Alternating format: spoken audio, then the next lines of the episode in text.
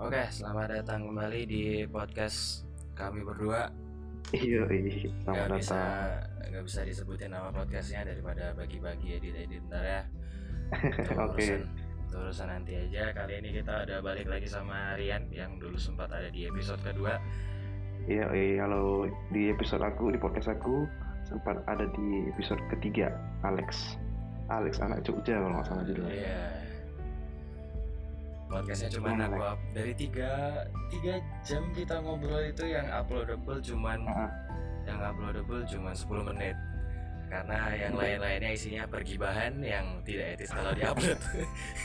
iya, iya, di tempatmu ya. Iya.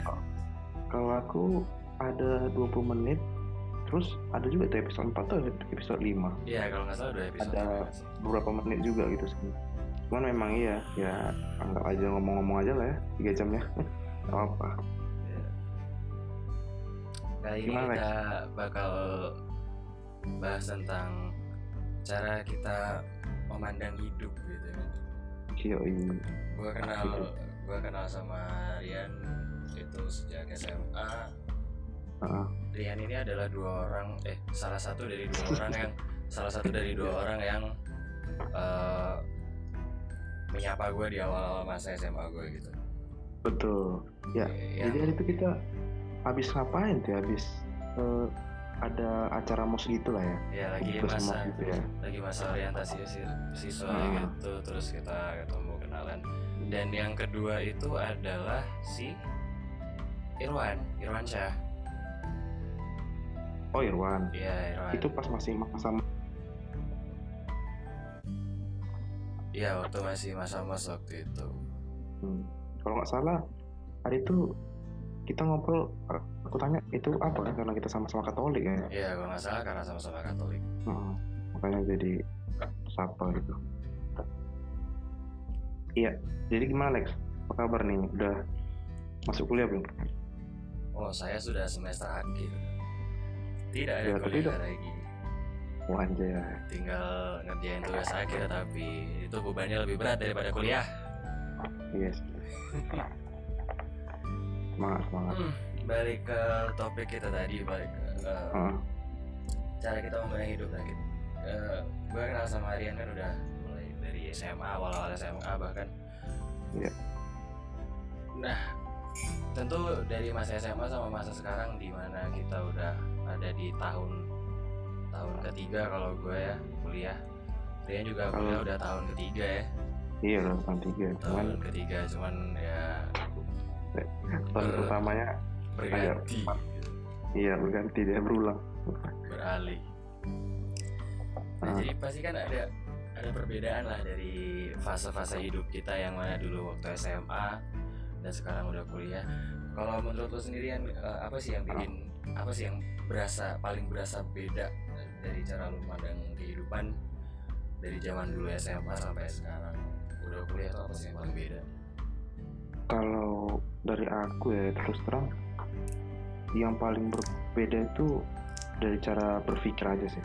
Cara ber- berpikir dari pengalaman juga pengalaman yang terbentuk dalam diri kita itu otomatis merubah cara pikir, cara pola pikir kita menyikapi hidup sih. Kalau aku gitu. Kalau kepribadian aku kurang lebih sama aja sih dari dulu gitu-gitu aja. Ya, seba- maksudnya sebagai sebagai contoh apa yang bisa dijadikan contoh?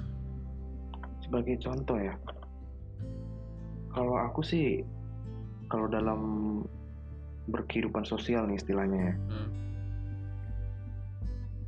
ya kalau keluar itu ibarat easy goingnya tinggi kali lah kalau masih zaman SMA gitu nah tapi kalau sekarang udah udah saat ini ya udah beberapa tahun setelah itu gitu setelah SMA kita nih aku merasa aku semakin apa ya semakin berpikir.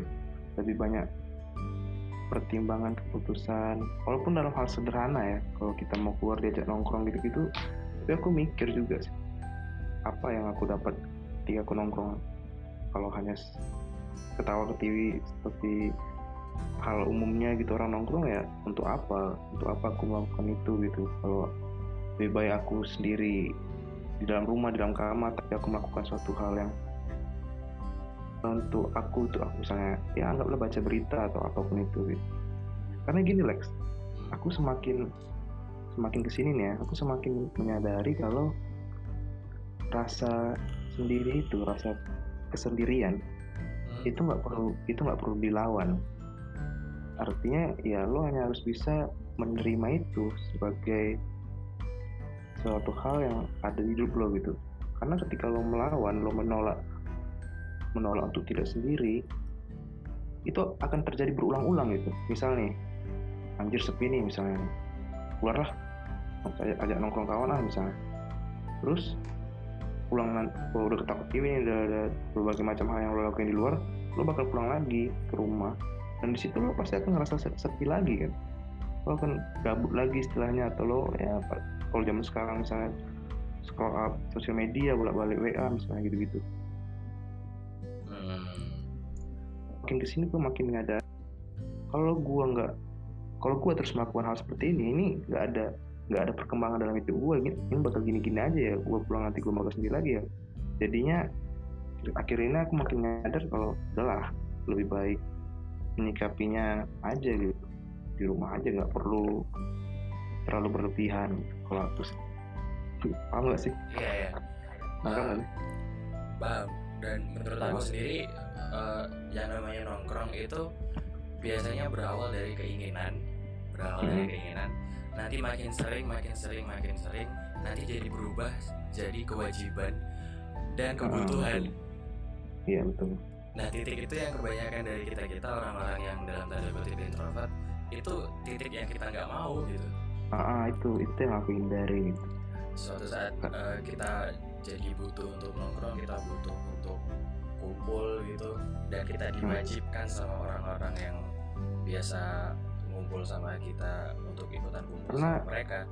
Itu itu suatu hal yang nggak banget sih buat orang-orang introvert kayak gue juga. Iya, karena kalau aku pribadi ya, Lex, lo lo pasti bakal nemu saat ketika di mana lo diajak nongkrong gitu lo nongkrong tapi ada hal yang sebenarnya dalam hati lo tuh, aduh, sebenarnya aku nggak mau nih gitu. Tapi lo karena udah keseringan dan lo jadi sungkan untuk menolak gitu. Apa pun itu halnya misalnya lo lagi nggak nggak punya duit misalnya atau lo lagi ada masalah eh, sama seseorang misalnya yang buat mood lo jadinya nggak enak kalau nongkrong gitu hal yang seperti itu bakal bentrok dalam diri sendiri nah apalagi kalau aku nih aku aku kan lebih apa ya lebih ibaratnya di dalam diri aku nih lebih bergejolak gitu sering aja mengalami hal-hal seperti itu gitu. itu yang kalau aku paksakan bakal jadinya nggak enak di, di aku juga gitu Iya, kalau kita ambil contoh dari sisi eh, nggak usah nggak usah jauh-jauh ke temen nongkrong lah, misalnya di, di kampung aja gitu di daerah rumah kita. Salah satu sebab kenapa aku enggan disuruh sama ibuku untuk kumpul dan bersosialisasi sama tetangga adalah itu tadi juga. Lama-lama kumpul itu jadi kewajiban karena nanti kalau kita nggak ikut kumpul, antara ada omongan-omongan di belakang nih ya kan. Itu iya itu itu jijik gue sama hal yang kayak gitu.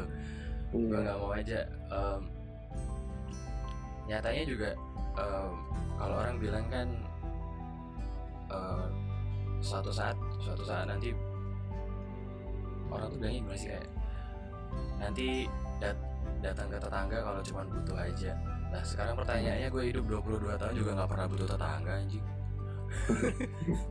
Jadi kau berhasil untuk mematahkan statement itu ya Iya. Maksudnya juga em, bagi orang-orang kayak bagi orang-orang kayak kita yang Nah, hidupnya memang eh, mengamin mengamini keinginan untuk sendiri itu Hmm. buat kita ya sebenarnya keberadaan tetangga itu sebenarnya nggak signifikan gitu kita tinggal di hutan aja selama kita punya kebutuhan-kebutuhan dasar kayak internet air makan dan listrik kita tinggal di tengah hutan juga nggak masalah kan iya tapi kalau buat buat yang mendengarkan nih bukan berarti kita nih apa ya ibaratnya nggak mau bersosial bukan seperti itu. Tapi kita lebih ya mengef- mengefektifkan aja hal-hal yang mau kita sosialkan itu loh. Ngerti nggak sih maksudnya? Iya kayak kita kita nggak nyuruh kalian untuk jadi antisosial juga karena Ah. karena eh, aku juga percaya kalau bagi orang-orang yang eh, berjiwa sosial berjiwa sosial tinggi orang-orang yang ekstrovert itu mereka memang punya kecenderungan untuk cari tempat untuk cari tempat keluar di mana mereka bereks- bisa berekspresi karena iya eh, menurut aku juga perbedaan mendasar dari orang introvert dan ekstrovert adalah eh, di mana tempat mereka bisa berekspresi. Aku merasa Hmm. bisa berekspresi ketika aku sendiri, ketika aku di kamar, ketika aku ya main game. Aku sering nulis-nulis juga di internet, di Twitter. Aku sering nulis, bikin thread dan segala macam di line. Aku sering nulis-nulis artikel atau segala macam. Itu aku bisa ngelakuin waktu aku sendiri gitu. iya Dan juga sih dan bagi mereka-mereka yang ekstrovert mungkin mereka bisa melakukan sesuatu, sesuatu dalam tanda kutip produktivitas mereka adalah ketika mereka ngumpul bareng sama teman-temannya ketika mereka pick up ber, kan mereka bercengkrama dengan tetangga dan yang lain-lainnya ya iya itu sebenarnya eh, berdasar pada kepribadian masing-masing gitu dan nggak ada yang salah ya. Jadi introvert jadi ekstrovert ya terserah lu aja di senyamannya lu aja kan? Iya betul sih. Kalau aku itu kalau aku pribadi sekarang mandang hidup kayak yang udah udah yang lebih santai aja lah kayak dulu tuh aku menyadari bahwa SMA dulu itu aku kebanyakan cita-cita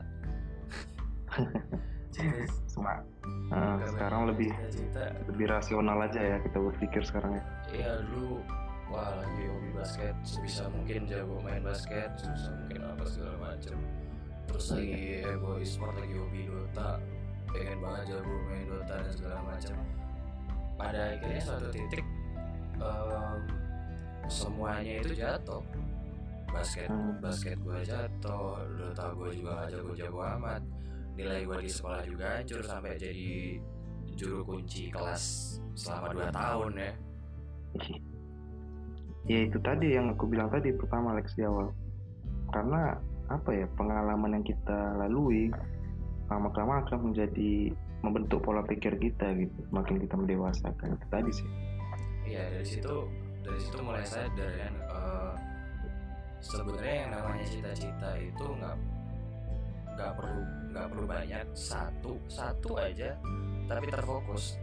Nah Mm-mm. kalau kita ada hobi hobi ini kita lakukan sebagai dua hal bersenang-senang atau cadangan ketika cita-cita kita itu nggak tercapai kita cari sesuatu dari hobi kita yang bisa menghasilkan ya itu aja salah, salah satu alasan aku bikin podcast ini adalah siapa tahu nanti siapa Hmm. tahu nanti uh, aku nggak bisa kerja dengan menggunakan ijazahku ya.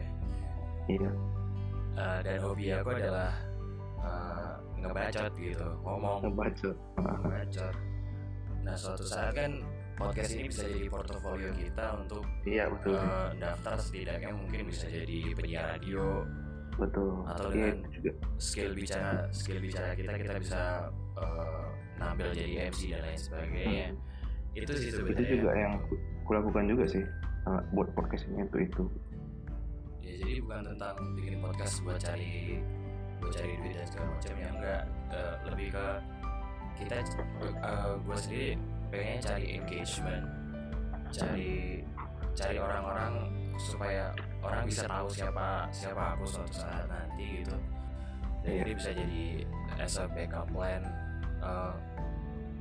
m- mungkin akan lebih baik juga ketika aku daftar kerja pakai ijazahku nanti ternyata serta HRD HRD-nya pendengar podcast saya. Kan wah anjay ja- oke Itu- juga kan?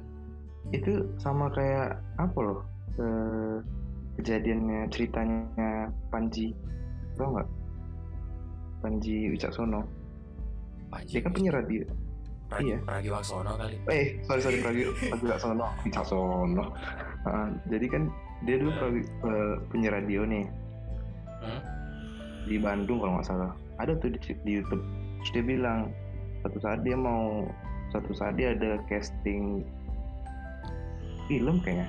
Nah produsernya ini dulunya itu masih kuliah dia pendengarnya si Panji ini waktu masih di radio gitu. Oh iya ya yang di Ah. stand up-nya dia judulnya lima menit yang ngubah hidup gue Ah, iya. iya, atau gitu sih aku juga uh, ya mikir juga sih gara-gara dengar itu kayaknya buat podcast nggak ya gitu buat podcast nggak ya, gitu. Dan di lain sisi juga uniknya adalah semakin aku dewasa semakin aku dalam tanda kutip tua itu aku makin bisa mencari sisi komedi dari segala hal. Wis, keren mantap tuh bahkan sampai hal-hal yang sebenarnya sensitif bagi beberapa orang tapi aku selalu bisa nemu sisi komedi dari hal itu. Maksudnya um, keren sih. komedi komedi aku dulu zaman SMA dan komedi aku sekarang zaman kuliah ini itu uh, jalan jalan beriringan dan kayak kayak ada benang merahnya gitu. Karena kan uh, aku penikmat stand up komedi ya tapi stand up komedi yang luar negeri karena stand up komedi Indonesia tuh nggak banyak yang nggak masuk di aku gitu gimana Lex? Putus Lex? Oh karena aku kan penikmat stand up komedi tapi um, stand up komedinya lebih ke yang di luar negeri. Mm-hmm. karena stand up komedi di Indonesia banyak yang nggak nggak kena lah sama aku. Hmm. yang Jadi- kalau lebih kayak di Amerika gitu ya ya kayak di US uh, stand up Hmm. stand up stand up komedi di Netflix segala macam. Um, iya iya. dari situ sense of komedi aku tuh uh, berkembang gitu. Karena kan kalau di Indonesia kan kita lihat stand up komediannya selalu bahas tentang hal yang itu itu aja gitu. Apa yang lagi naik sekarang terus nanti akan banyak stand up komedian stand up komedian yang mengeksploitasi hal itu. Kayak misalnya Mm-mm. dulu zaman Raditya Dika naik naik gara-gara stand up tentang percintaan. Terus semua stand up komedian bahas tentang percintaan mereka gitu. Nah, terus uh, iya iya. uh, jokes-jokes tentang kemiskinan naik di Twitter terus stand up komedian pada bahas tentang kemiskinan ya kan? Hmm. tapi uh, ketika aku lihat stand up komedian di luar itu itu juga membuka cakrawala aku untuk menyikapi hidup. Karena mereka stand up komedi itu bukan tentang hal yang lagi ngetren tapi tentang sesuatu yang emang relate sama hidup mereka. Itu yang pertama. Yang kedua se- kalau selain daripada itu mereka akan bikin jokes-jokes yang uh, completely unexpected kayak bener-bener random aja gitu jokesnya kayak di podcast aku yang bicara komedi aku pernah jelasin tentang ada stand up komedian namanya Anthony Jeselnik. Mm-mm. Jadi dia punya acara komedi gitu kayak aku nggak tahu kayaknya acara komedi talk show atau atau apa pun itu.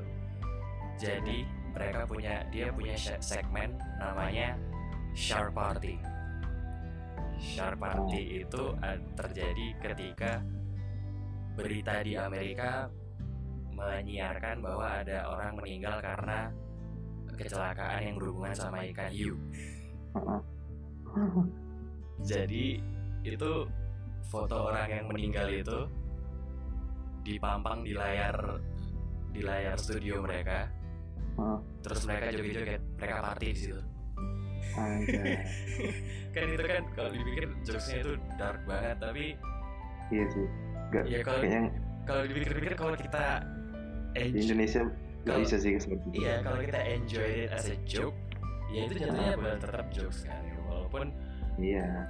walaupun kita kita akan terlihat sangat jahat karena kita tidak memikirkan keluarga korbannya tapi esensi dari jokes kan sebenarnya bukan gitu. Ketika audiensnya nerima itu sebagai jokes ya it's a joke gitu. Nah Iya. itu itu yang membangun kenapa kenapa aku bisa memandang bahkan tragedi pun itu sebenarnya ada sisi lucunya.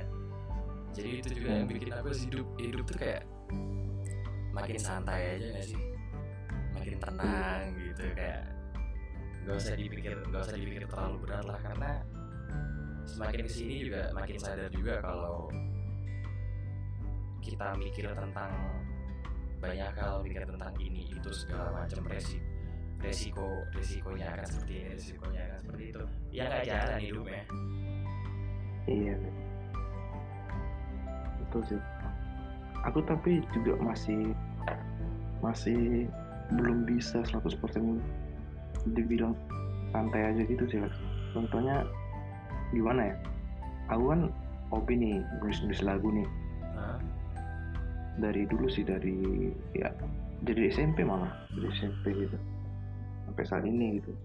Masih aja nulis nulis tapi masalahnya untuk meng- mengembangkannya apa ya untuk memasarkannya dalam arti kata seperti itulah.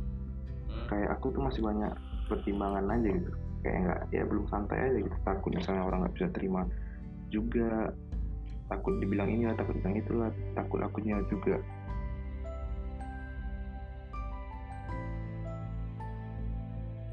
Halo? Belum, bisa juga nyampe seperti itu. Iya loh. Eh, putus terputus sedikit tadi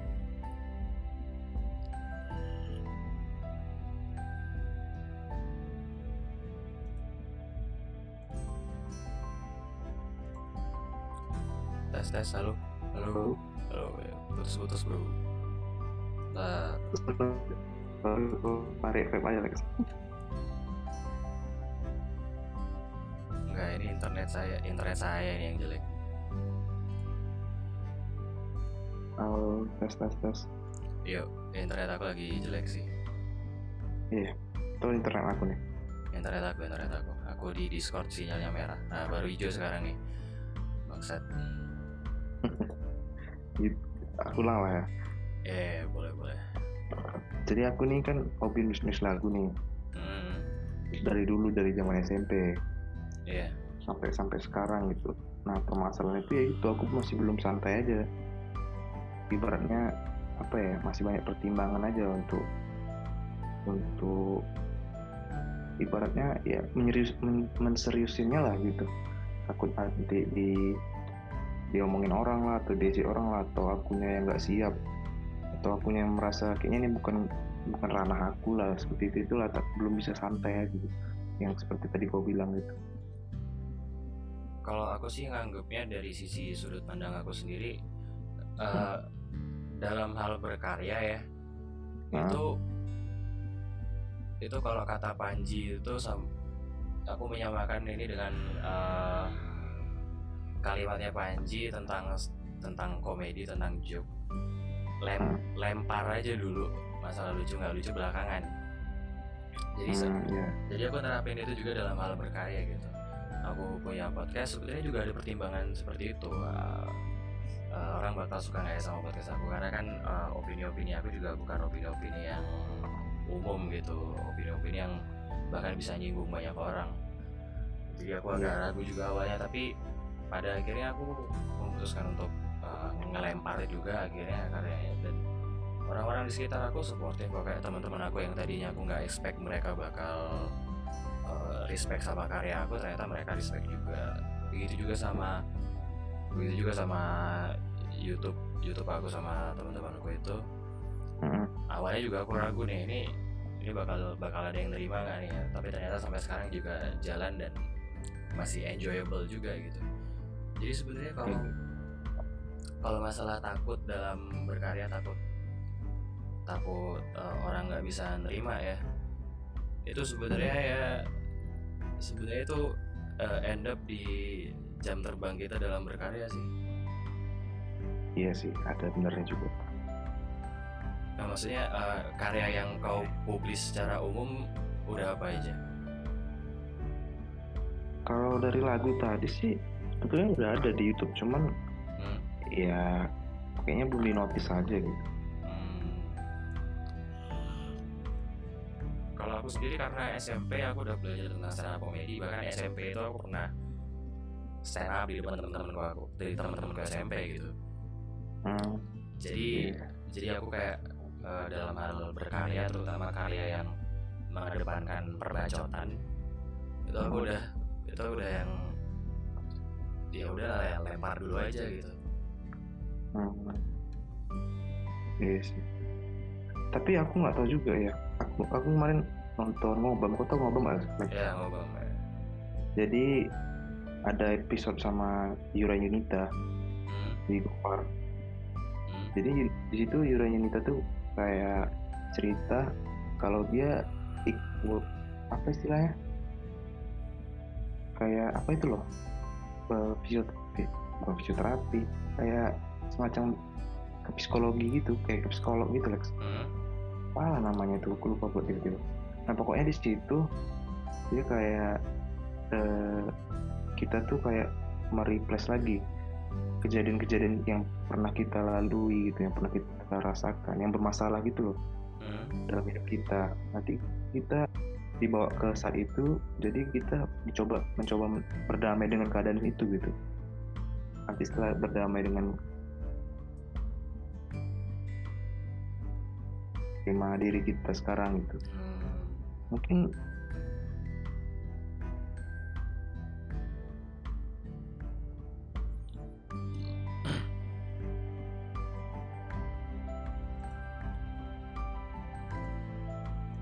halo halo halo halo Yuk yuk yuk. Baru naik turun internet saya gimana Alex kamu nggak nyambung sih. Tadi sampai berdamai, Ah. berdamai, tadi sampai mana berdamai, berdamai.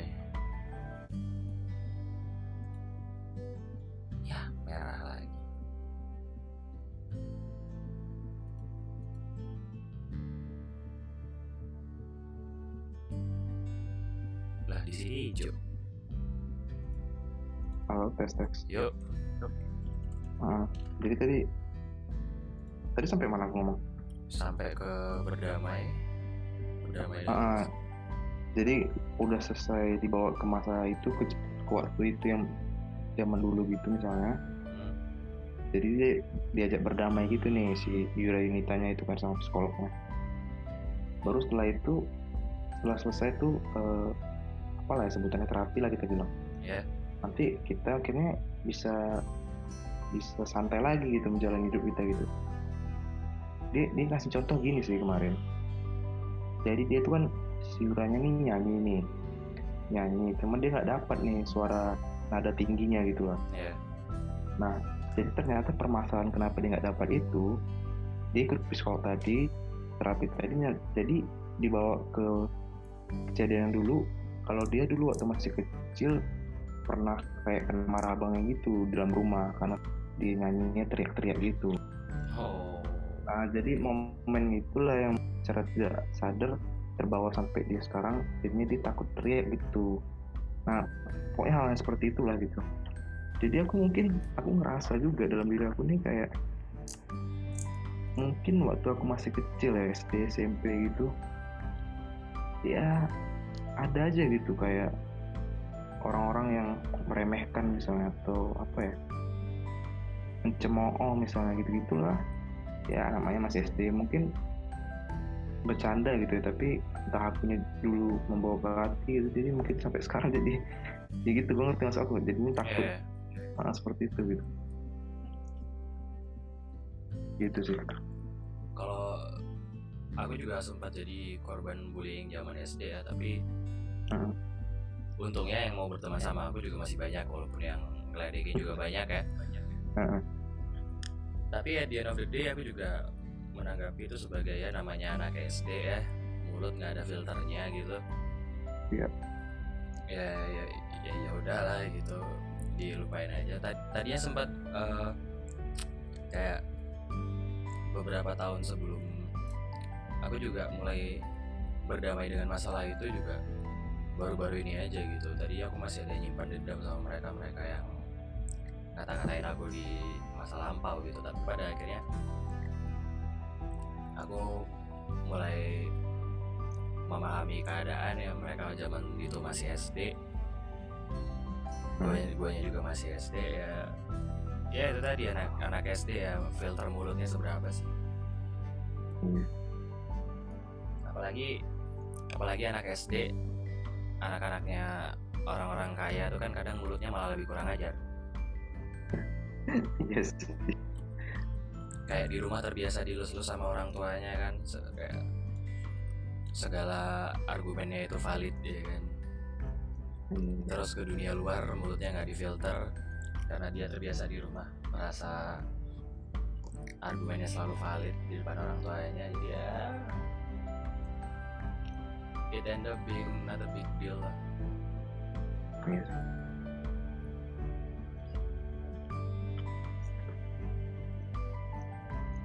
Jadi gimana Lex? Nanti apakah kau sesantai itu eh, menyi- menyiapkan masa depan Lex Eh, ya aku dulu nggak suka sama istilah ini tapi tapi pada akhirnya di titik ini aku mengamini istilah ini itu istilah serius tapi santai. Serius tapi santai. Iya kan? dulu aku dulu aku denger istilah serius tapi kayak guru-guru gitu masuk kelas ya belajar sama ibu tuh serius tapi santai. Ya aku dengernya kayak ih anjing apaan sih serius kok? Serius tapi santai santai tapi serius apaan sih? gitu. Tapi sekarang kayak ya aku menjalani itu sekarang. Aku menyiapkannya dengan serius. Tapi juga aku nggak nganggap itu sebagai beban. Kenapa aku nggak nganggap itu sebagai beban? Ya karena aku jalaninya santai aja. Jadi serius tapi santai gitu kayak gimana aku bikin gimana aku bikin podcast itu adalah salah satu bentuk keseriusanku merencanakan masa depan kan? Oh iya. Tapi ya di lain sisi juga aku jalannya santai. Aku nggak aku nggak naruh diriku ada deadline. Halo gimana tapi di lain sisi aku tetap menjalaninya dengan santai. Aku nggak menaruh diriku ke deadline deadline tertentu. Misalnya seminggu Hmm. seminggu harus berapa konten apa minimal harus berapa konten per bulan itu aku nggak naruh pakem itu. Jadi sebenarnya serius tapi ya, ya santai aja gitu. Hmm, iya sih.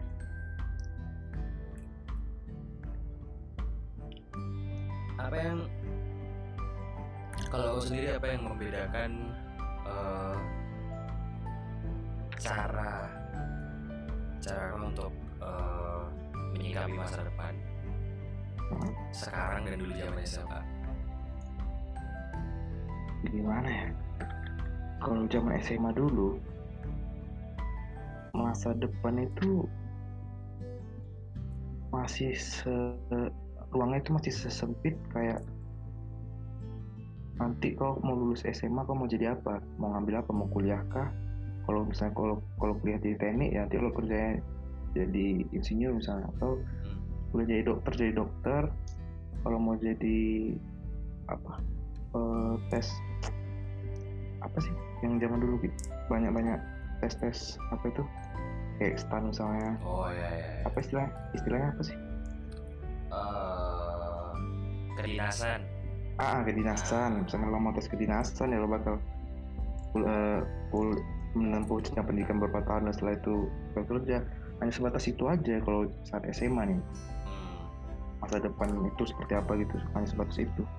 Tapi kalau sekarang masa depan itu lebih kompleks aku mikirnya. Bukan bukan sekedar apa ya tamat kuliah mau kerja di mana gitu. Tapi tamat kuliah kamu mau kerja di mana mau gaji berapa mau nabung berapa sekian per bulan mau di umur berapa nikah di umur berapa punya kredit rumah misalnya atau ya hal seperti itu itu udah makin detail aja kalau sekarang masa depan sih Iya. Kalau dulu zaman SMA tuh kayak masa depan itu suatu, sesuatu hal yang sederhana tapi luas. Ya, Sederhana tapi luas gitu kayak Heeh. kita kita merencanakan masa depan zaman SMA tuh kayak naif banget gitu loh. Kayak Heeh. oh gue bakal lulus kuliah, gue bakal lulus kuliah di umur segini. Ntar, Ah, ntar, iya, ntar gue mau ntar gue mau kerja dulu sampai umur segini baru nikah gitu tapi setelah sekarang kayak gue udah mau lulus nih gue udah mau Hmm. lulus nih terus gue mau ngapain gitu iya sih oh mau ke sini mau ke sini itu ntar pandangan jangka panjangnya mau ngapain?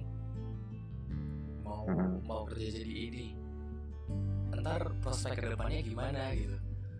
Iya. Yang kalau dewasa ini udah kompleks sempit lagi. Kalau dulu zaman SMA itu sederhana luas.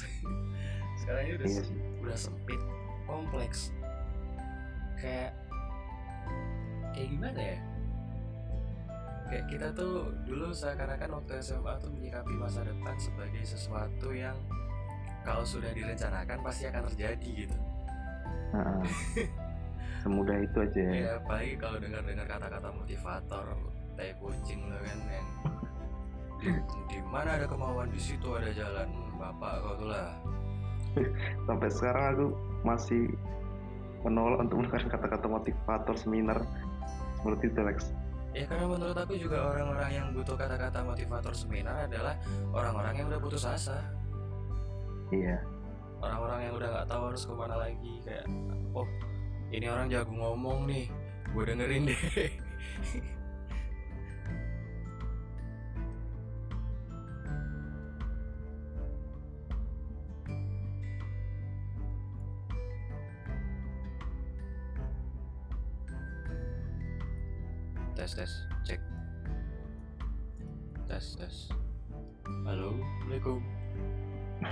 tadi terputus. Sampai mana sih tadi?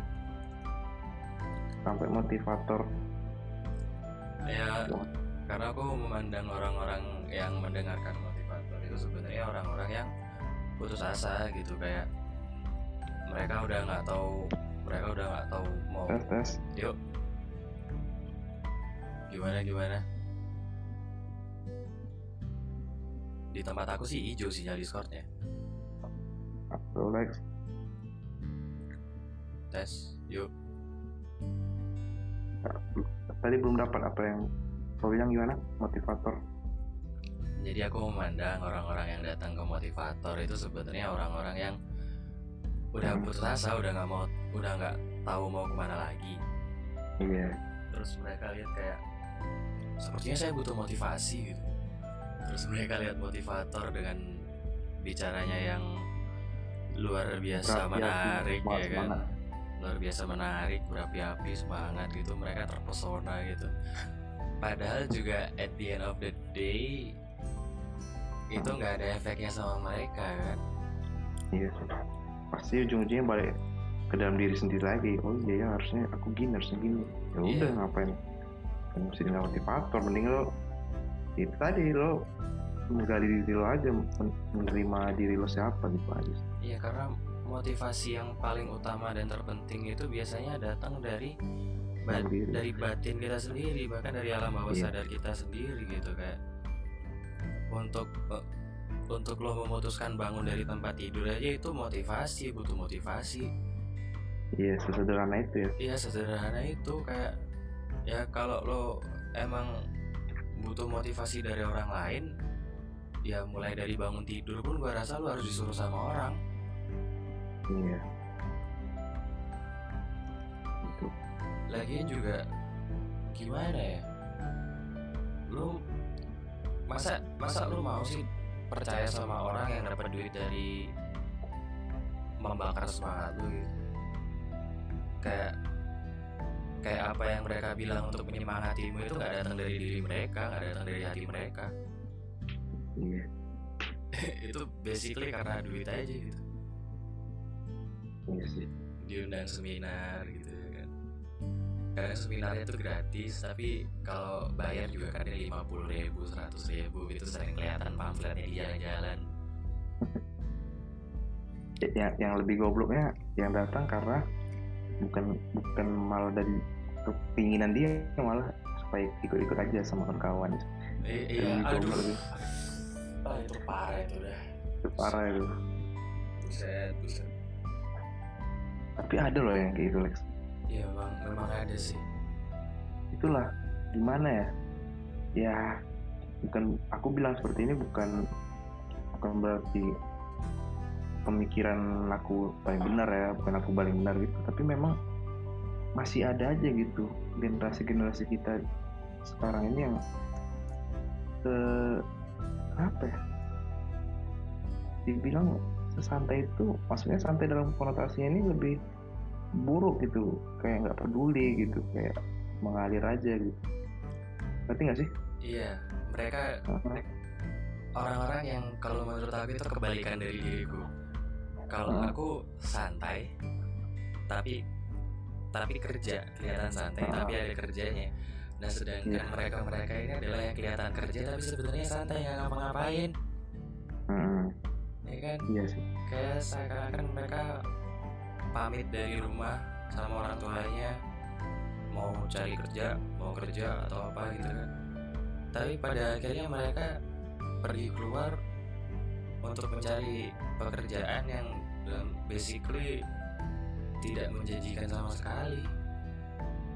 Iya.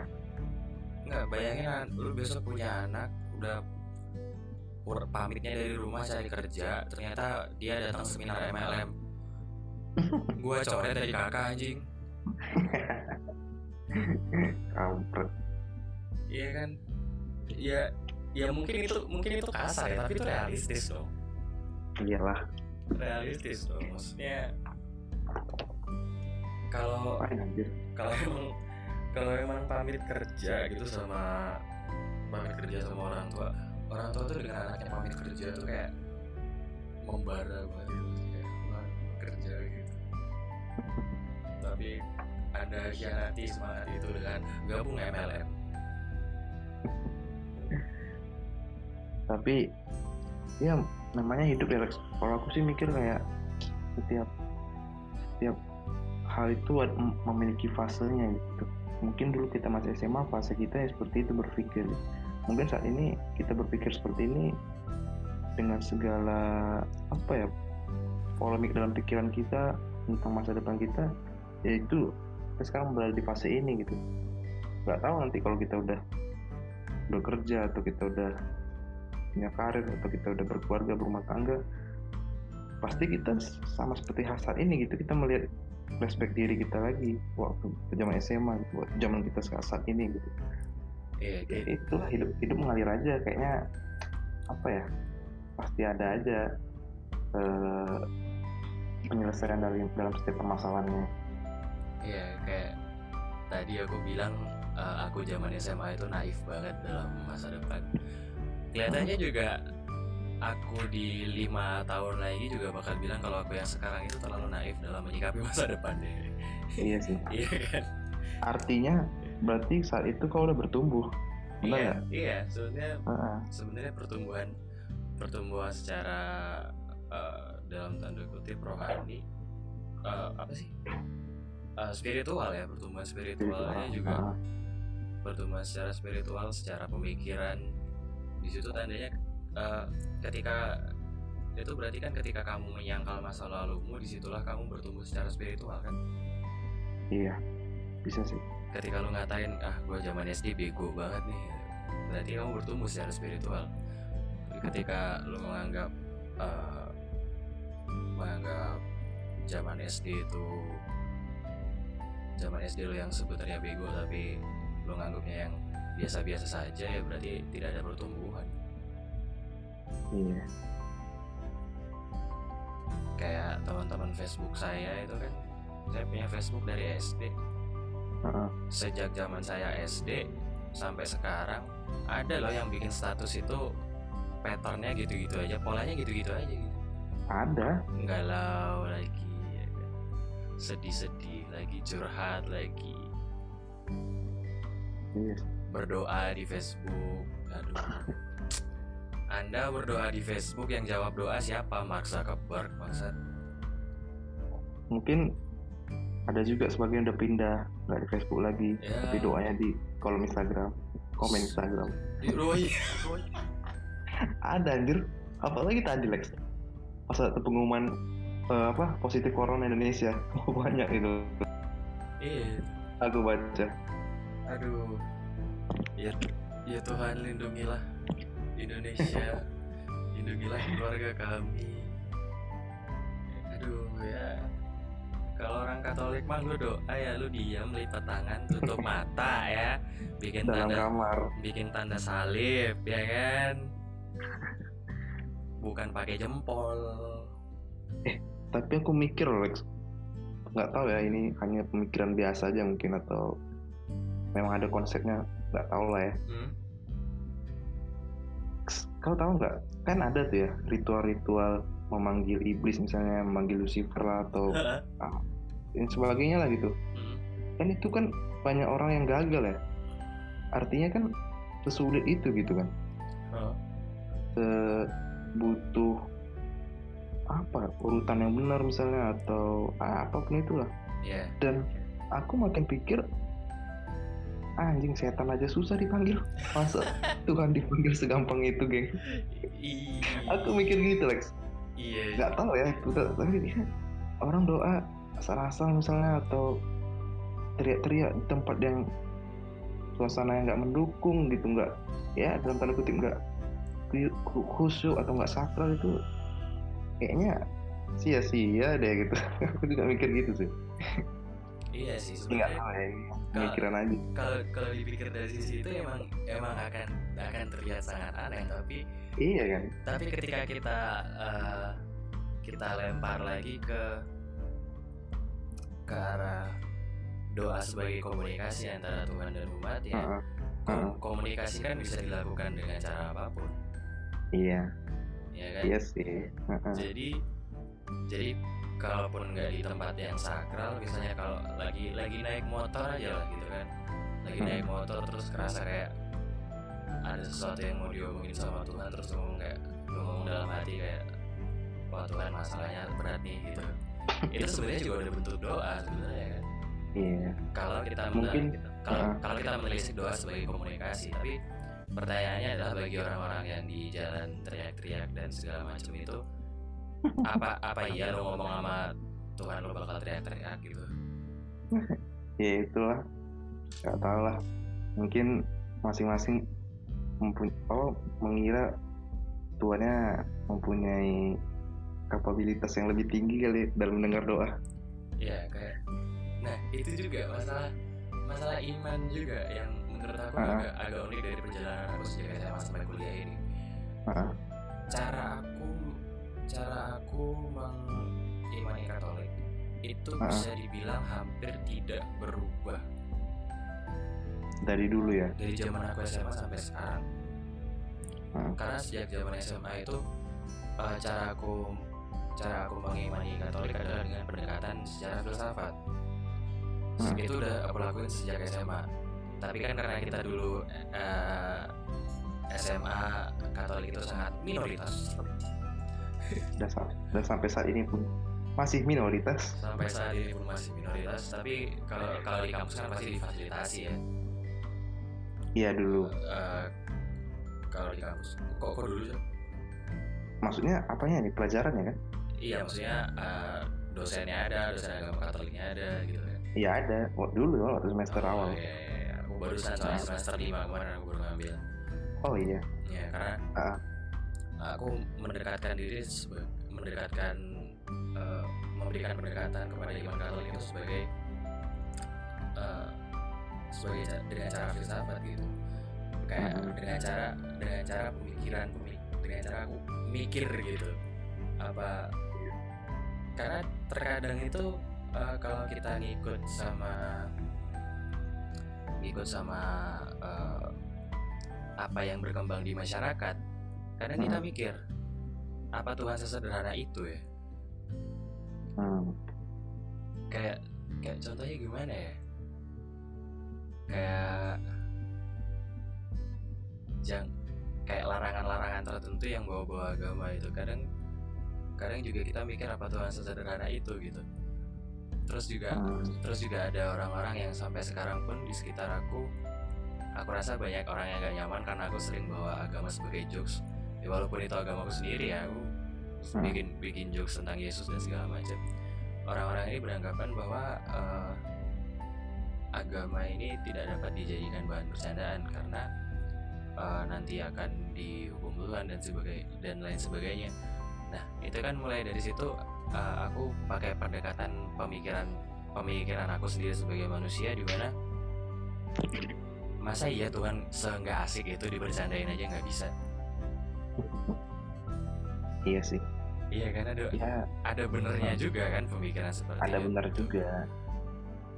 Ya gimana ya memang masing-masing orang memahaminya dengan cara yang berbeda aja sih. Jadi kita nggak bisa memang sulit sih Lex. Iya kan karena menurut menurut pemahaman aku sendiri aku itu SMP itu mulai terbuka pemikiran aku karena aku baca tweetnya Sujiwo Tejo Sujiwo Tejo itu Sujiwo Tejo itu sering bilang di Twitter kalau Tuhan maha asik. Hmm. Nah dari situ aku mulai berpikiran, iya ya, kan orang bilang Tuhan itu maha segalanya, berarti termasuk maha asik dong, dan maha suka bercanda juga dong. Iya. Iya kan. Nah dari situlah mulai aku punya pemikiran yang dalam tanda kutip liar dalam hal dalam hal beragama gitu makanya kayak Iya. suatu saat kelihatannya aku bakal ngundang dosen agama aku deh buat podcast karena aku juga karena aku waktu kuliah ini makin makin senang untuk belajar agama karena pendekatan pendekatan yang diberikan sama dosen aku juga pendekatan secara filsafat dan terutama lagi dia karena dia karena dia romo kan oh, dia romo dia ah. dia pastor bukan cuma bukan kok cuma sih bukan nggak bisa bilang cuma juga bukan katekis bukan katekis biasa gitu. Jadi dia Eh, boleh boleh tuh Lex. Kalau nanti aku ngobrol masukkan aku juga Lex. Siap. Jadi- aku juga pengen aku malah pengen pikiran gitu. Apa aku datang ke paroki aja ya wawancari pastor gitu. Tapi masa dia mau? Aku juga pengen gitu sih. Ya jadi aku aku sukanya karena pendekatan yang diberikan sama dosen aku ini adalah pendekatan secara filsafat gitu. Dan ini datang dari datang dari seorang pastor yang gelarnya udah yang gelarnya udah dapat dia PhD gitu. Jadi aku rasa banyak banyak juga hal-hal unik yang yang datang dari Romo itu yang diajarkan dari Romo itu dan itu buka buka cakrawala aku juga sih. Kayak banyak hal lah aku udah sam- aku kalau disuruh nyebutin sekarang aku banyak yang lupa. Tapi tapi iya. yang jelas dia ya, beliau itu sebagai seorang romo dalam uh, dalam artian beliau di situ sebagai dosen ya. Sebagai dosen uh, beliau nggak kayak guru-guru agama yang kayak jauhi miras segala macam gitu. Enggak dia kayak yang santai aja gitu. Dia bahkan nanya mahasiswa zaman sekarang itu kalau minum minuman keras tuh minumnya apa? Dia tanya gitu kan terus dijawab sama teman-teman. Eh, Amer pak Amer pak. Amer tuh am, anggur merah oh ya anggur merah ya. saya itu saya itu orang Flores. Orang Flores itu kan kuat minum. Saya kalau kalian sekarang minum anggur merah itu udah botolan semuanya steril. Saya dulu minum dari jerigen kayak lucu lucu banget gitu. Jadi dia nggak dia nggak melarang tapi dia ngingetin kalau drink responsibly gitu. Hmm, minumlah dengan bertanggung jawab gitu. Kalau lo mau minum silahkan. Tapi jangan sampai mabuk dan rese iya. Yang diajarkan seperti itu. Kan itu yang sebenarnya pengajaran yang kalau kita pikir-pikir pengajaran seperti itu yang dibutuhkan sama mahasiswa gitu. Ya lebih bisa diterima ya. Mahasiswa itu nggak bisa dilarang. Mahasiswa dilarang dia akan ngerasa gak nyaman. Makanya beliau ngasih pendekatan kayak ya kalau mau minum ya minum aja tapi jangan berlebihan jangan sampai mabuk dan rese gitu kan. Itu yang bikin aku makin suka makin suka belajar agama di kampus sih. Tapi sayangnya saya dapet D. Kok bisa Lex? Aku eh, jarang datang karena agak aku aku tadi mau bilang itu jangan bilang kau jarang datang. Bukan ja- jarang datang dalam artian itu kan ada batasan tiga kali absen Heeh. aku lewat aku nggak lewat nggak lewat juga sih kayaknya aku udah ti- tiga kali lah. Kalaupun lewat cuma sekali gitu kan empat kali aku nggak datang.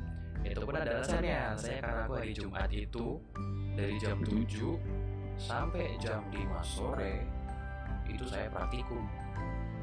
Hmm. jadi eh, kan kalau yang muslim ada break jumatan ya dari jam setengah sebelas sampai jam setengah satuan lah. Nah di di break itu di situlah disisipkan jam pelajaran agama. Iya. Dari jam setengah 12 itu sampai jam setengah satu. Nah kalau saya turutin saya makannya kapan? Istirahatnya kapan ya kan? Soalnya sering juga aku coba tuh. Kan selain dari tiga hari di mana aku absen itu kan aku datang terus tuh. Pulang-pulang tumbang cok. Jadi gimana Lex? Ulang lagi atau? Yang yang yang sebelah mana ya? Mana tadi enggak yang maksudnya yang kau dapat nilai D ini nanti kau ulang lagi atau gimana? Aku enggak sih. Udah legowo aja enggak ya karena kalau ngulang lagi aku nambah satu semester lagi dong. Malas ah. Iya sih. Apa target? Target sudah Agustus. Agustus ini ya? Hmm. mantap lah Kalau kau sendiri gimana ya? Eh, apa perkembangan perkembangan iman secara Katolik? Terutama kan kita kan berdua sama-sama Katolik. kalau aku justru kalau berbeda dengan yang tadi kau bilang kalau kau tetap nggak ada yang berubah ya Hmm. dari zaman dulu SMP eh dari saat masih SMA aku justru saat ini mengalami banyak perubahan lah dalam khususnya menyikapi iman lah ya Hmm. bisa dikatakan gitu karena makin ke sini dulunya nih aku kan ya kau tau lah aku dulu agama tuh dekat kali dengan diri aku. Maksudnya Iya. ya agama ya konteks agamanya nih ya. Ya number one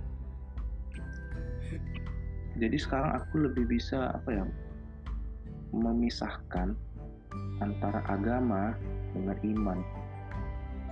Hmm. aku lebih berpikir ke situ sekarang. Kalau zaman dulu aku tuh agama kuat kali dalam artian agama. Bagaimana kita beragama nih misalnya ya aktif di kegiatan ke gereja misalnya aktif di orang-orang yang OMK lah misalnya orang muda Katolik seperti itu. Nah hal yang seperti itu. Nah tapi makin ke sini aku makin makin berpikir kalau agama itu hanya apa ya agama itu adalah wujud sosial dari iman. Oh iya. Ya. artinya kita ini orang kita aku dengan kau ini misalnya sama-sama nih punya iman Yesus Kristus misalnya. Lalu kita bersosial nih. Nah atas dasar itulah kita membentuk sebuah agama. Kalau aku berpikir seperti itu artinya kau harus bisa membedakan antara agama dengan beriman gitu. Nah dan makin ke sini aku lebih kayak mengaplikasikan kalau apa ya sesama kita itu sesama kita manusia itu bukanlah sesama yang hanya beragama Katolik misalnya yang sama gitu. Kalau aku mikir gitu. Dan kenapa aku bilang gitu? Karena kayak gimana ya Lex? Kayak pasti banyak dari bagian dari kita nih dalam keluarga kita gitu. Atau lingkungan sekitar kita lah yang Katolik nggak musuh Katolik sih misalnya ap- apa pun agamanya gitu kayak Iya. memandang agama yang lain itu apa ya langsung kayak skeptis ataupun langsung menutup diri gitu Iya. Nah, sebetulnya hal itu yang yang aku bilang salah itu nggak boleh apalagi kita ini di Indonesia ya beragam hal itu yang coba aku bangun dalam diriku ya aku, kalau memang aku bisa itu hidup beriman kayak sama manusia gitu Hmm. gitu sih kalau aku. jadi makin ke sini makin makin chill aja gitu dengan justru aku sekarang malah mengurangi aktivitas keagamaan aku tadi gitu loh, Hmm. dalam tanda kutip nih ya tapi aku lebih menjalankan aktivitas aku sebagai manusia yang beriman gitu di sesama aku sebagai manusia gitu teman-teman aku yang lain karena justru itu tantangan bagi kita loh kita ini kan minoritas ya Hmm. kita kan berada di tengah-tengah mayoritas gitu. kita itu kuat bukan karena kita berkumpul sesama yang minoritas bukan itu kalau menurut aku kita itu kuat kalau kita bisa berada di tengah-tengah mayoritas Iya, iya. Itu prinsip aku sekarang jadi ya karena dari dulu mungkin banyak ya orang-orang yang aktif-aktif di kegiatan keagamaan tadi gitu. Dia hanya sibuk seputar itu aja gitu. Tapi dia lupa untuk melihat keluar melihat situasi jendela di luar gitu. gimana dia bisa terjun nggak goyang nggak imannya? Iya. itu tadi. Kalau aku sih sekarang berpikirnya seperti itu. Itu it- itu juga uh, pri- prinsip kita sebenarnya sama. Karena Hmm. aku beranggapan dari dulu dari dulu itu uh, kenapa aku menolak untuk menolak untuk gabung di komunitas keagamaan kayak OMK dan lain sebagainya karena aku beranggapan bahwa uh, Yesus sendiri bilang jadilah garam dan terang dunia gitu Hmm. dan aku memandang uh, OMK itu sebagai sekumpulan garam gitu Hmm. sekumpulan garam dan sekumpulan terang yang ada di dalam yang ada di dalam kotak jadi kalau garam dan terangnya ada di dalam kotak siapa yang akan mengasinkan hal-hal yang di luar kotak ini? Iya, iya. esensi esensi dari garam adalah sedikit tapi dia bisa mempengaruhi banyak bisa mempengaruhi uh, hal yang lebih luas dari dirinya sendiri kan? Nah itu juga sebab itu juga sebabnya kenapa uh, aku nolak untuk ikut OMK dan segala macamnya karena aku memandang anak-anak di OMK ini kadang terlalu fokus kepada apa kepada komunitasnya kepada OMK-nya Iya. sendiri mereka nggak sadar kalau OMK ini isinya cuma orang Katolik doang ya Iya, namanya se- namanya sebenarnya orang nih. muda Katolik ya So, ya Mm. ya walau ya ya ya juga sebenarnya nggak nggak salah juga tapi akan jadi salah ketika lu terlalu fokus sama kegiatan keagamaan lo ini Iya. sedangkan kegiatan secara sosial lo nggak ke mana-mana gitu. Mm. ya itu tadi sih sebetulnya bukan di agama kita aja gitu. Iya iya. Agama agama saudara-saudara kita juga seperti itu gitu. itu tadi sih sebetulnya yang memang ya aku nggak tahu lah gimana. Tapi mulai dari diri sendiri aja kalau aku karena aku berpikir gimana ya Lex? Kalau kita mengira apa mempercayai bahwa Tuhan itu maha besar maha, maha kuasa maha segalanya gitu. Emang mustahil bagi dia untuk membuat beberapa agama dalam dunia ini? Iya. justru itu ya bisa-bisa aja dong bagi dia. Karena dia kan maha besar maha, maha, maha segalanya. Dia bisa aja mengatur itu. Tinggal lagi dia membuat itu bagaimana cara dia aja gitu kan. Kitanya yang sibuk di sini saling menyalahkan saling, saling membenarkan. Jadi ujung-ujungnya ya itu tadi itu mungkin cara Tuhan untuk memerangkap kita dalam dosa misalnya. Pembangkang sih maksudnya apa ya? Kok bisa nggak ya melewati tantangan ini gitu sih maksud aku? Iya. Kalau misalnya kok nggak bisa ya kok gagal gitu? Kok jadinya ya jadi jadi jadi salah gitu.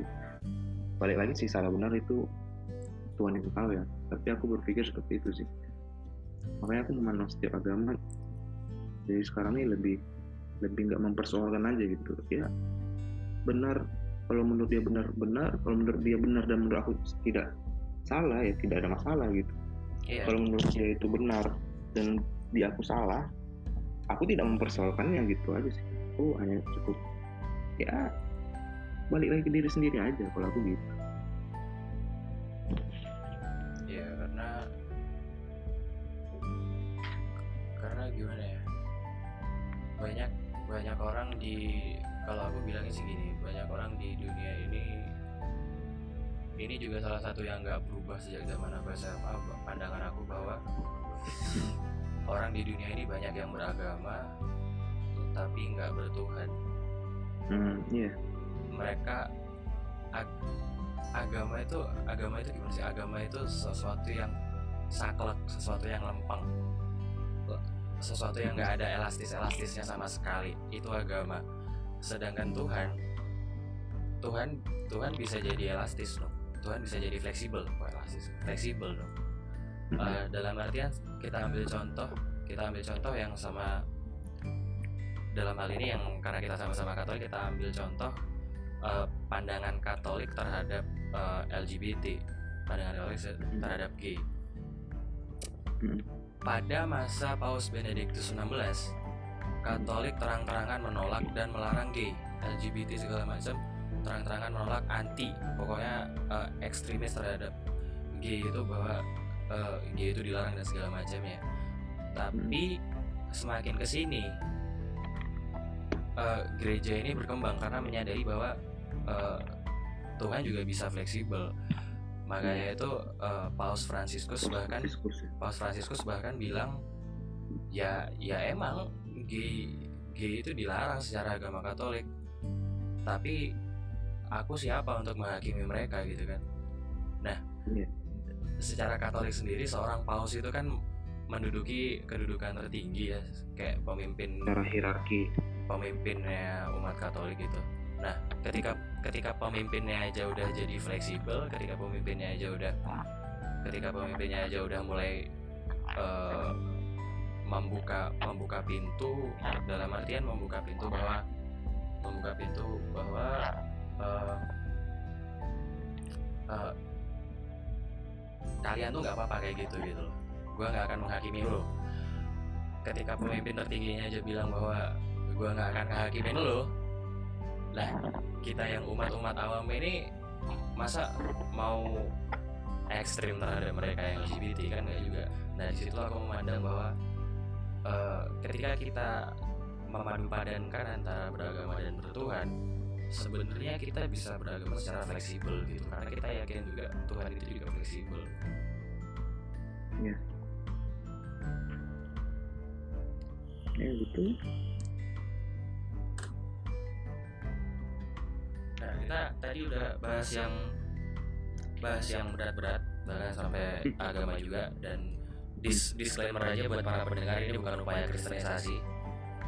Bukan. Tapi kalau mau pindah pindah untuk mengimani Tuhan Yesus Kristus saya sarankan untuk masuk Kristen saja karena masuk Katolik susah. Belajar setahun bro. Belajar yeah. setahun bolong lebih dari 16 kali. Ngulang lagi tahun depan. Memang seperti itu Lex. Kita nih Katolik ini apa ya? Negara yang dekat dengan kultural gitu.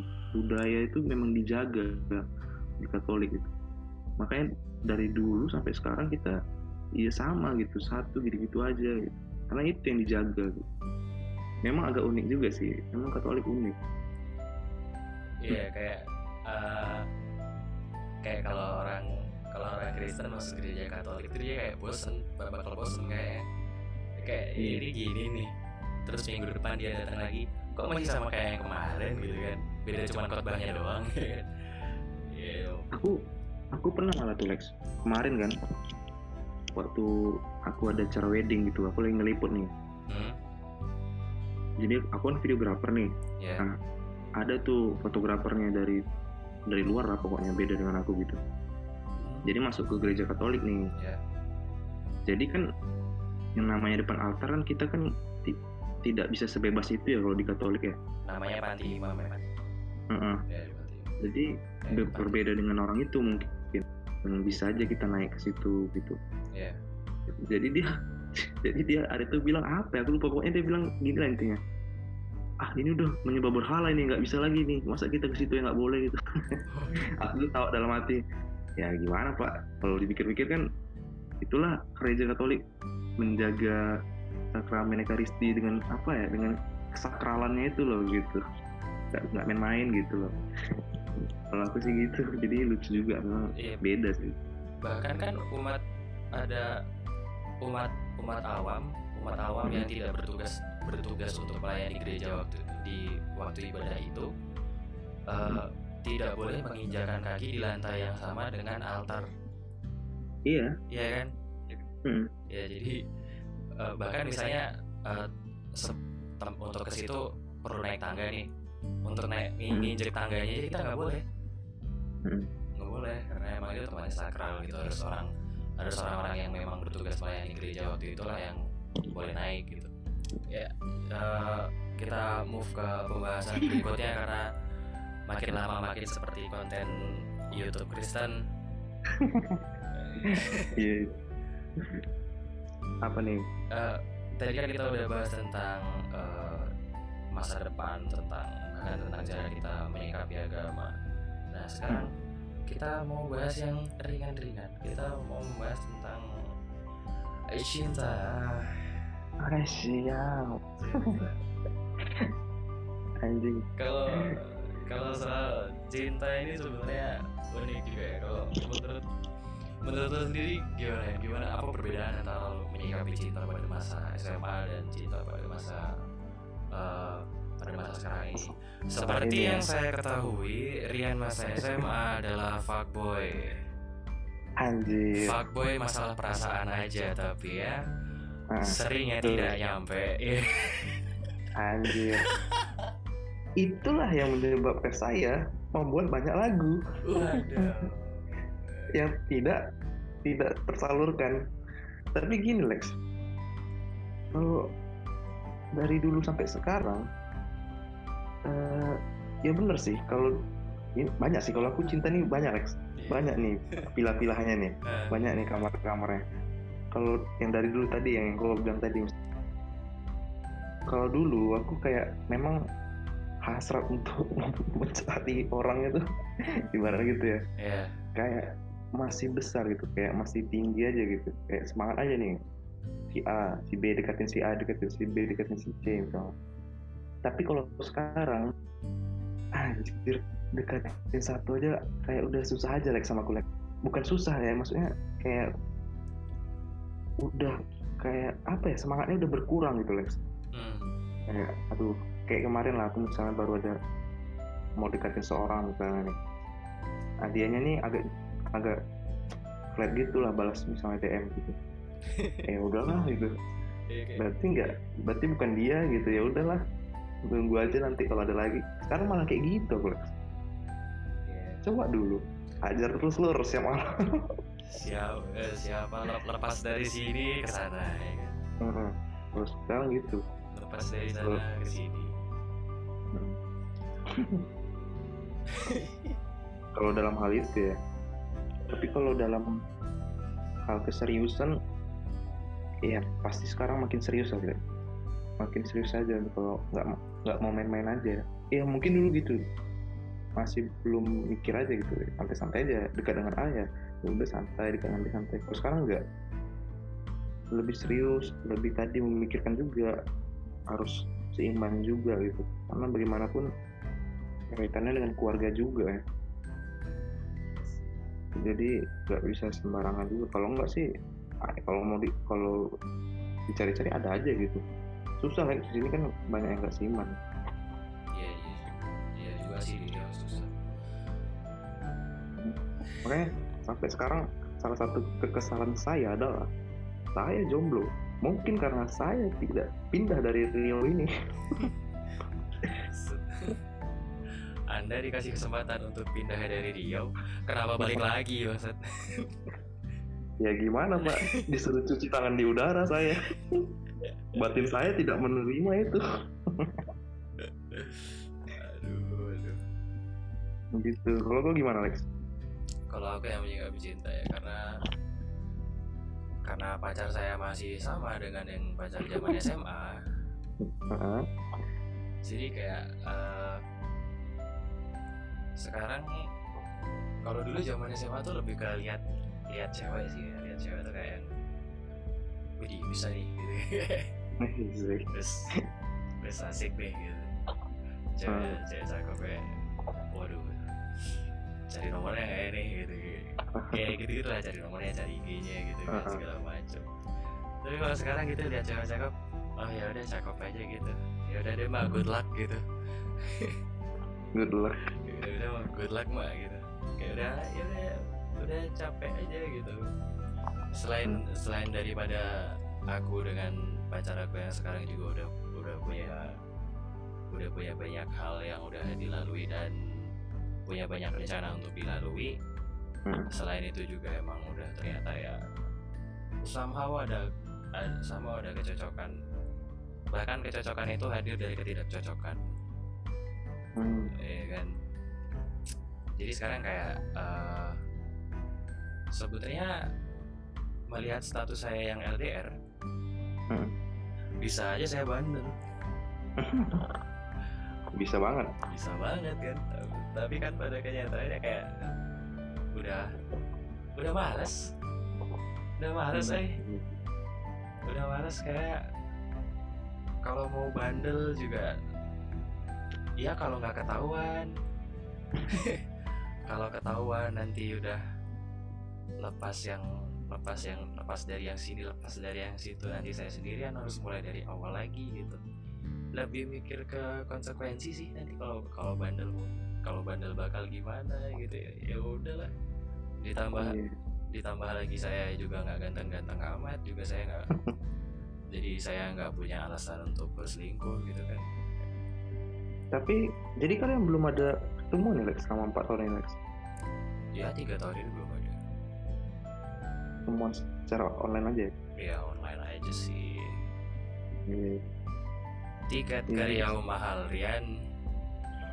Mahal. Iya. pulang pergi bisa 4 juta sih. 1,2an ya juta. hampir 3 juta juga ya, belum belum nanti akomodasinya di sana. Ya kan? iya tapi memang gitu Lex. Kalau aku sendiri sih kayak menyikapinya memang cintanya punya perjalanannya sendiri asik. Siap. Dia punya cerita sendiri Lex. Dia itu anjing lah. Masih jomblo. Bacot anjing. Kesel juga ya. Capek Lex. Eh, apa ngetik-ngetik di tweet. Dari dulu gitu doang. Kayak eh, kalau soal rencana rencana-rencana untuk menikah mungkin punya bayangan berapa tahun ke depan? Nah itu tadi. Tadi seperti yang di awal tadi aku bilang itu udah dari apa ya jadi bagian dalam kayak menata masa depan juga lah. Udah terpikir udah udah mulai terpikir.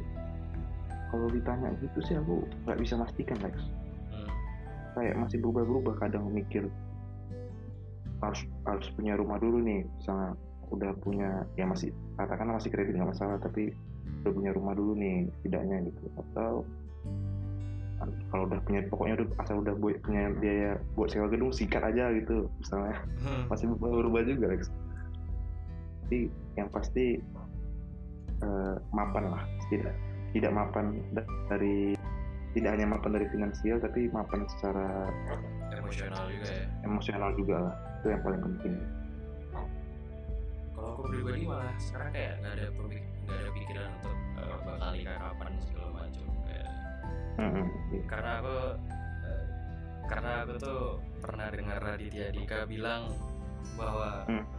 kematian pertama seorang laki-laki adalah ketika dia menikah tapi setelah ini dia bilang loh penyesalan saya adalah menikah Iya tidak menikah Tidak. tidak menikah lebih dulu Uh-uh.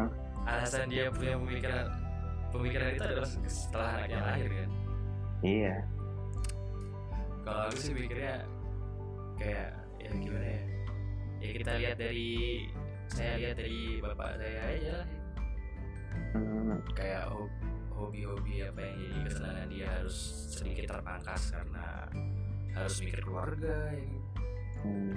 untuk menjalankan hobi juga harus sedikit berbohong-berbohong kepada istrinya iya. Iya sih. Tapi semakin ke sini semakin banyak orang yang gimana ya kalau aku lihat nikah muda itu jadi jadi hal yang bisa menunjang itu Lex. Menunjang karir. Menunjang karir ya? Kau tahu nggak ini senja dan pagi? Enggak Lirika enggak nah jadi orang itu eh, bisa dikatakan nikah muda lah ya. Hmm? Saya nggak tahu sih pasti yang umur mereka berapa.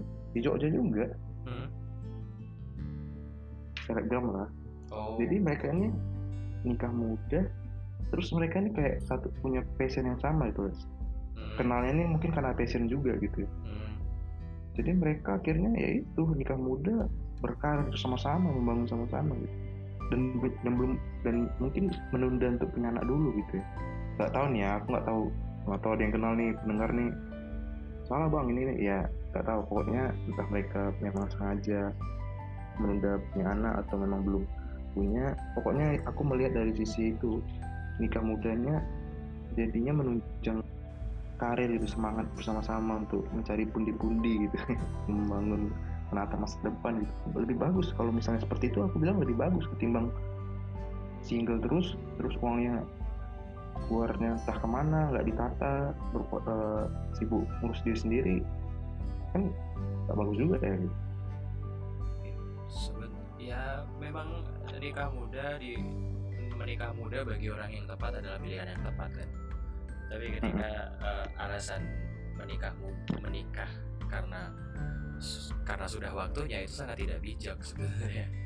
Ah itu juga tidak Men- menikah itu kan karena udah siap aja gitu udah udah kayak udah siap secara batin udah siap secara pasangannya juga ada gitu kan. Iya sih. Ya, karena percuma mapan kalau tidak ada pasangannya.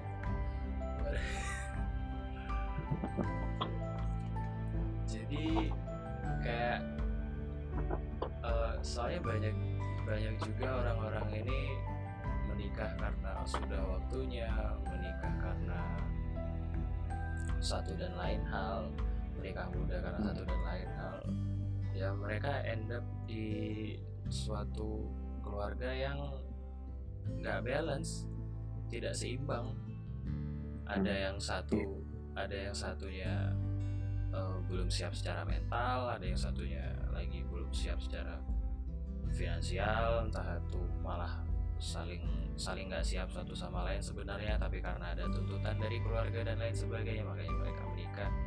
Itu sebenarnya pilihan menikah muda yang tidak bijak jadi saya berpikir Iya. bahwa eh, soal menikah ini nanti dulu saja dipikirkannya ya. Jadi saya masih Iya saya masih suka duduk di kamar depan komputer main Dota ya. Nanti kalau udah punya bini susah. Apalagi saya. Pacar aja belum punya biasanya yang senyap senyap gitu tuh nanti langsung nah, gitu beranak tapi kayak beranak sekali tiga. Anjir. Ya, jadi. tapi katanya di Jogja nih cewek-ceweknya lebih mantap-mantap nih Lex. Lebih baik lebih cantik. Bisa lah Lex. Kalau ada temenmu nih yang asiknya sama seperti aku. Sebenarnya eh, cantiknya itu karena ada aku bilangnya cultural diversity sih karena ada perbedaan kultur kayak Hmm. kayak orang dari mana ke orang dari mana mana ke sini gitu kan jadi dari eh, dari orang dari si perantaunya sendiri itu kan ada banyak ada banyak wajah-wajah bentuk-bentuk wajah baru gitu kan Hmm. kan yang namanya kita eh, it- itu juga terjadi misalnya orang orang Sumatera. Orang Sumatera itu di sini punya pesonanya tersendiri. Oh gitu ya? Ya orang Jawa, orang Jawa di sana punya pesonanya tersendiri gitu kan? Iya. Ya jadi jadi itulah yang bikin sebenarnya karena karena bentuk bentuk wajah bentuk wajahnya aja sih yang berbeda karena sukunya berbeda jadi terlihat menarik gitu. Sebenarnya sih ketika dia pulang ke kampungnya sana bisa jadi dia perempuan yang biasa-biasa saja. Tapi begitu ke sini juga bisa. tapi ya selain dari para perantaunya juga karena eh, eh, perkawin perkawinan silang antara suku-suku yang ada bercampur di sini kan jadi itu bikin bentuk-bentuk wajah yang unik gitu. Bentuk wajah yang unik dan jatuh jatuhnya ya bisa dibilang cantik gitu. Itu sa- itu sama halnya yang terjadi di Kalimantan Timur di Balikpapan itu juga aku lihat ceweknya cantik-cantik banget gitu. Setelah aku oh pikir-pikir gitu? setelah aku Iya. pikir-pikir hmm, ternyata karena emang di situ tuh pencampuran kulturnya itu udah dari lama. Jadi kayak ada orang di sana ada orang Sulawesi di sana ada orang Jawa ada orang ada orang Dayaknya sendiri. Orang Dayaknya sendiri kan kita tahu eh, warna kulitnya sesuai sangat sesuai dengan standar kecantikan masyarakat Indonesia ya warna, Hmm. warna kulitnya orang Dayak itu bagus-bagus Hmm. jadi mereka bercampur di situ mereka eh, menikah dengan orang yang berbeda suku orang yang udah ber- punya beda beda genetika bentuk wajah jadi secara kebetulan entah entah kebetulan atau bagaimana eh, mereka menghasilkan keturunan keturunan yang enak dipandang jadi gitu sih lebih ke kalau mahasiswa kalau mahasiswa mahasiswinya ya menurut aku adib banyak lah tapi kayak eh, kalau misalnya patokannya adalah akun-akun game cantik gitu ya sebenarnya ya susah juga dicarinya kayak aku aja sering lihat di UGM cantik tuh kayak hah? Ini satu fakultas sama gua nggak pernah lihat gitu.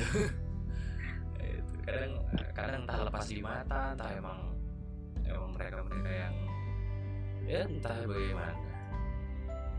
Iya sih.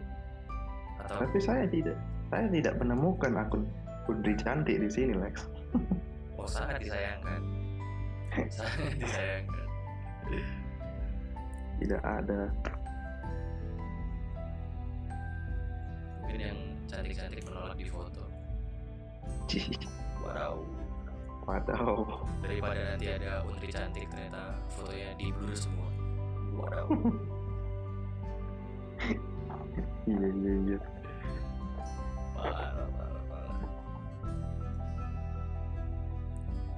Oke, ini udah satu setengah jam berarti podcastnya bakal diakhiri di sini saja karena kita udah bahas okay.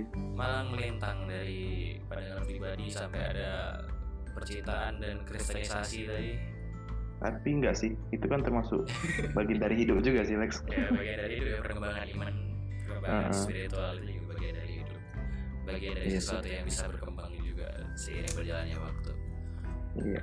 Semoga ada manfaatnya buat teman-teman pendengar semuanya. ya oke jadi Gitu jangan aja lupa kayaknya. jangan lupa Sekali. dengerin podcast dari Rian di Salam Introvert Heeh dan jangan lupa di podcast saya juga di sekarang ya. Jadi okay. sampai jumpa di podcast podcast berikutnya. See you. See you next time.